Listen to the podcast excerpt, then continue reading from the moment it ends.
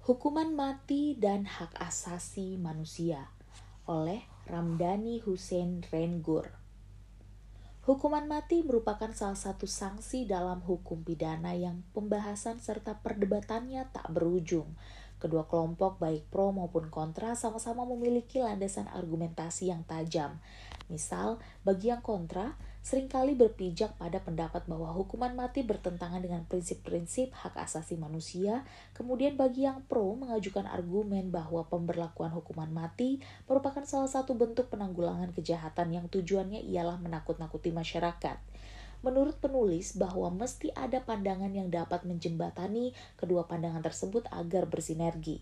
Sebab pemberlakuan hukuman mati yang dilakukan secara tidak hati-hati akan melahirkan kejahatan baru, yang dalam hal ini negara sebagai pelaku kejahatan bagi terdakwa yang tidak terbukti setelah eksekusi dilakukan.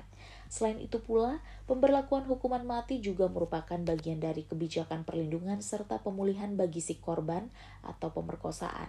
Kedua-duanya sama-sama dapat mendatangkan kemaslahatan, tergantung pemberlakuannya. Isu hukuman mati kembali dibahas dengan sedikit serius pasca putusan terhadap Heri Wirawan dijatuhkan atau pelaku pemerkosaan, di mana hukuman yang diberikan oleh hakim kepada terpidana ialah hukuman mati. Banyak bermunculan tulisan-tulisan yang hendak membenturkan penerapan hukuman mati dengan hak asasi manusia. Selain itu, ada pula pandangan yang berupaya untuk mengkritik pemberlakuan hukuman mati dengan pijakan efek jerah atau efektivitas. Padahal pemberlakuan hukuman mati tidaklah hanya bertujuan untuk membawa dampak efek jerah, sebab jika ditinjau dari sudut pandang sosiologi hukum, hukuman mati juga dapat mengembalikan harmonisasi sosial yang mengalami disharmoni akibat tindak pidana. Landasan konseptual dan yuridis penerapan hukuman mati. Pandangan bahwa hukuman mati bertentangan dengan konsep hak asasi manusia yaitu non-derogable rights merupakan sebuah pandangan yang menurut penulis perlu untuk ditinjau kembali secara komprehensif dalam konsep hak asasi manusia. Pendapat ini menurut penulis tidak sejalan dengan konsep hukum yang berlaku secara umum, sebab dalam sistem hukum selalu ada pengecualian. Tidak ada yang bersifat absolut, tujuannya adalah untuk menjamin keadilan dan memahami pengecualian. Menurut Al, Wisnu Broto bahwa apa yang dimaksud dengan pengecualian tidak boleh disalah tafsirkan sebagai penyimpangan atas kewenangan-wenangan.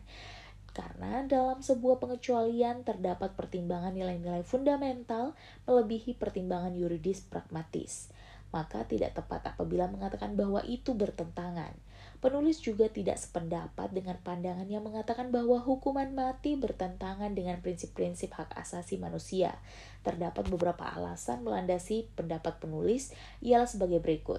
Pertama, Secara konseptual, dalam hak asasi manusia terdapat korelasi yang erat antara hak dan kewajiban, walaupun ada sebagian hak-hak yang independen dari kewajiban.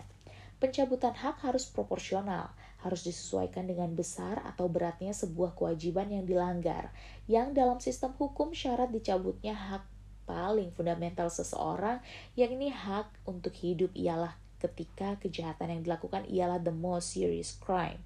Namun, dalam hal ini, kategorisasi seperti ini tidak bisa serta-merta dijadikan sebagai ukuran dicabutnya hak-hak seseorang.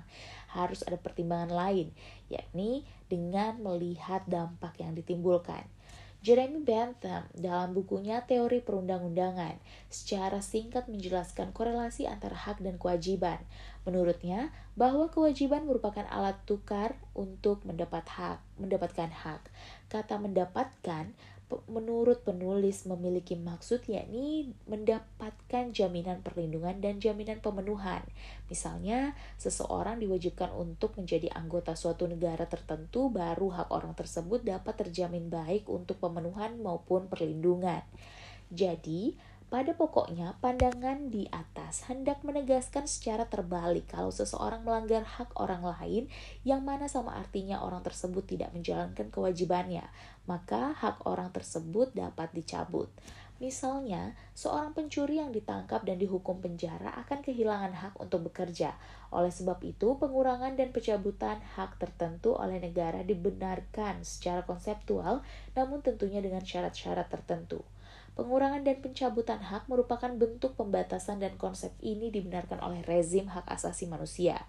Dalam upaya melakukan pembatasan disyaratkan pemenuhan beberapa ketentuan. Menurut prinsip-prinsip Johannesburg, ada beberapa prinsip dalam pembatasan hak asasi manusia, yaitu A. Pembatasan harus ditentukan oleh hukum yang dapat diakses, tidak bersifat ambigu, dan dibuat secara hati-hati dan teliti yang memungkinkan setiap individual untuk melihat apakah suatu tindakan bertentangan dengan hukum atau tidak. B. Pembatasan harus memiliki tujuan yang sesungguhnya dan harus menunjukkan dampak melindungi kepentingan keamanan nasional yang sah. C pemerintah harus dapat menunjukkan bahwa informasi yang dibatasi merupakan ancaman yang serius terhadap kepentingan keamanan nasional yang sah. Pembatasan yang dilakukan oleh sarana pembatasan yang serendah mungkin untuk melindungi kepentingan tersebut, dan pembatasan tersebut harus sejalan dengan prinsip-prinsip demokrasi.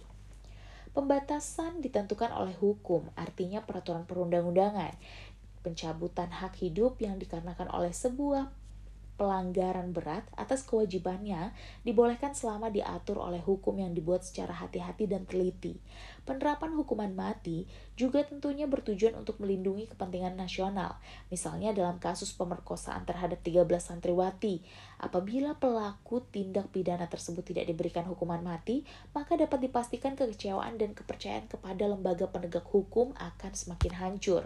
Implikasinya ialah akan semakin marak peradilan jalanan atau main hakim sendiri orang lebih memilih menyelesaikan persoalan dengan jalan kekerasan yang setidak-tidaknya dapat mengobati sedikit rasa terluka para korban.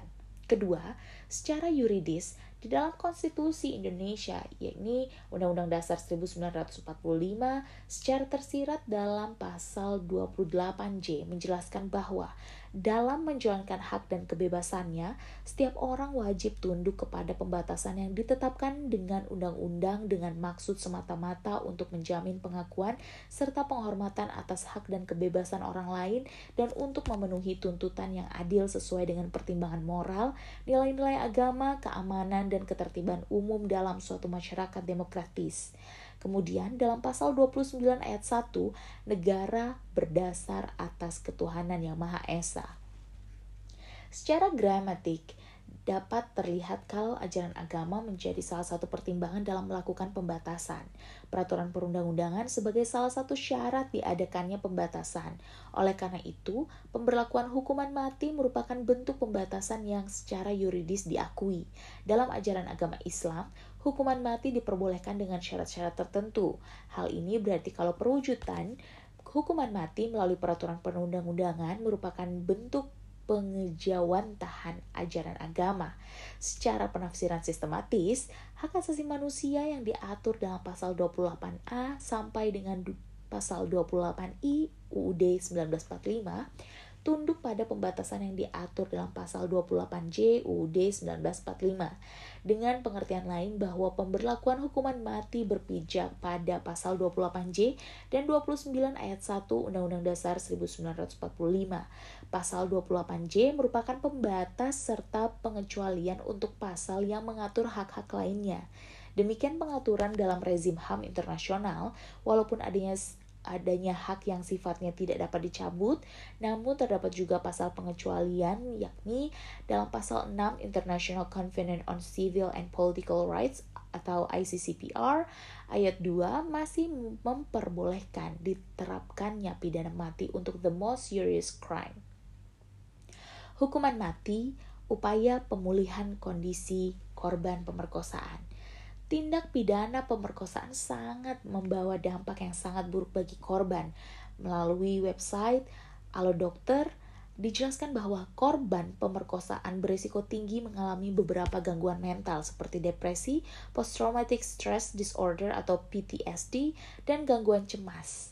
Ini dapat terjadi karena korban selalu teringat akan kejadian traumatis tersebut, sehingga mereka merasa selalu dalam bahaya.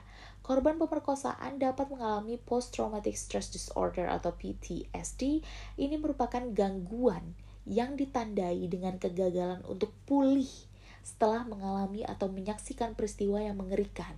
Kondisi ini bisa berlangsung berbulan-bulan atau bahkan bertahun-tahun dengan pemicu yang dapat membawa kembali kenangan trauma disertai dengan reaksi emosional dan fisik yang intens. Dampak buruk yang dialami oleh korban perlu mendapatkan perhatian lebih oleh semua elemen yang berwenang. Pemulihan hak-hak korban, baik psikis maupun fisik, merupakan kewajiban yang harus dilakukan oleh negara.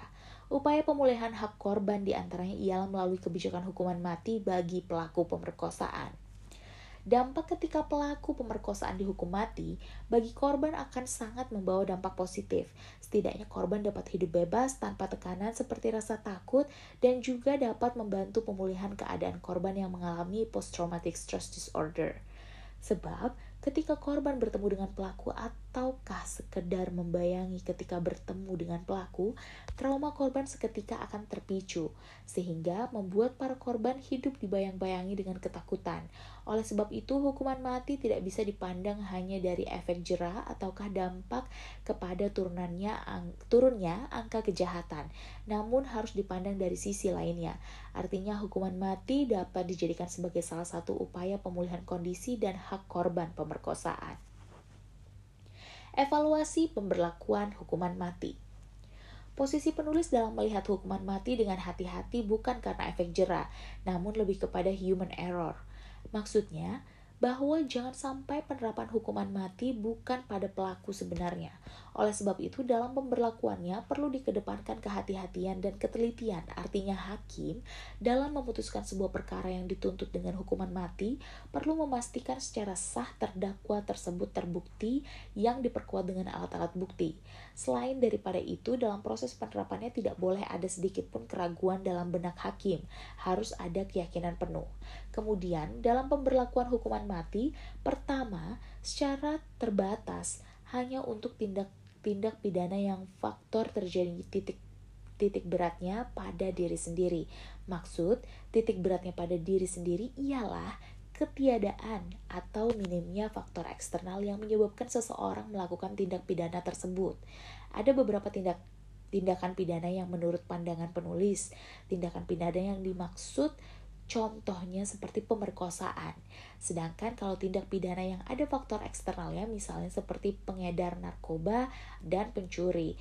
Faktor eksternal yang dimaksud seperti karena faktor ekonomi dan kalau mau dianalisis lebih lanjut negara memiliki tanggung jawab penuh atas jaminan pemulihan ekonomi tersebut sehingga hal ini dapat ditanggulangi dengan kebijakan lainnya. Kedua, harus tersedia mekanisme upaya hukum lain selain banding, kasasi ataupun peninjauan kembali yang mana upaya hukum tersebut memberikan jangka waktu tertentu untuk diajukan kembali. Hal ini bertujuan untuk memberikan waktu kepada terpidana untuk membuktikan ketidakbersalahannya dengan mencari alat bukti baru.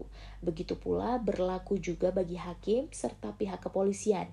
Kebijakan ini juga dapat menjadi ikhtiar untuk menghindari terjadinya human error.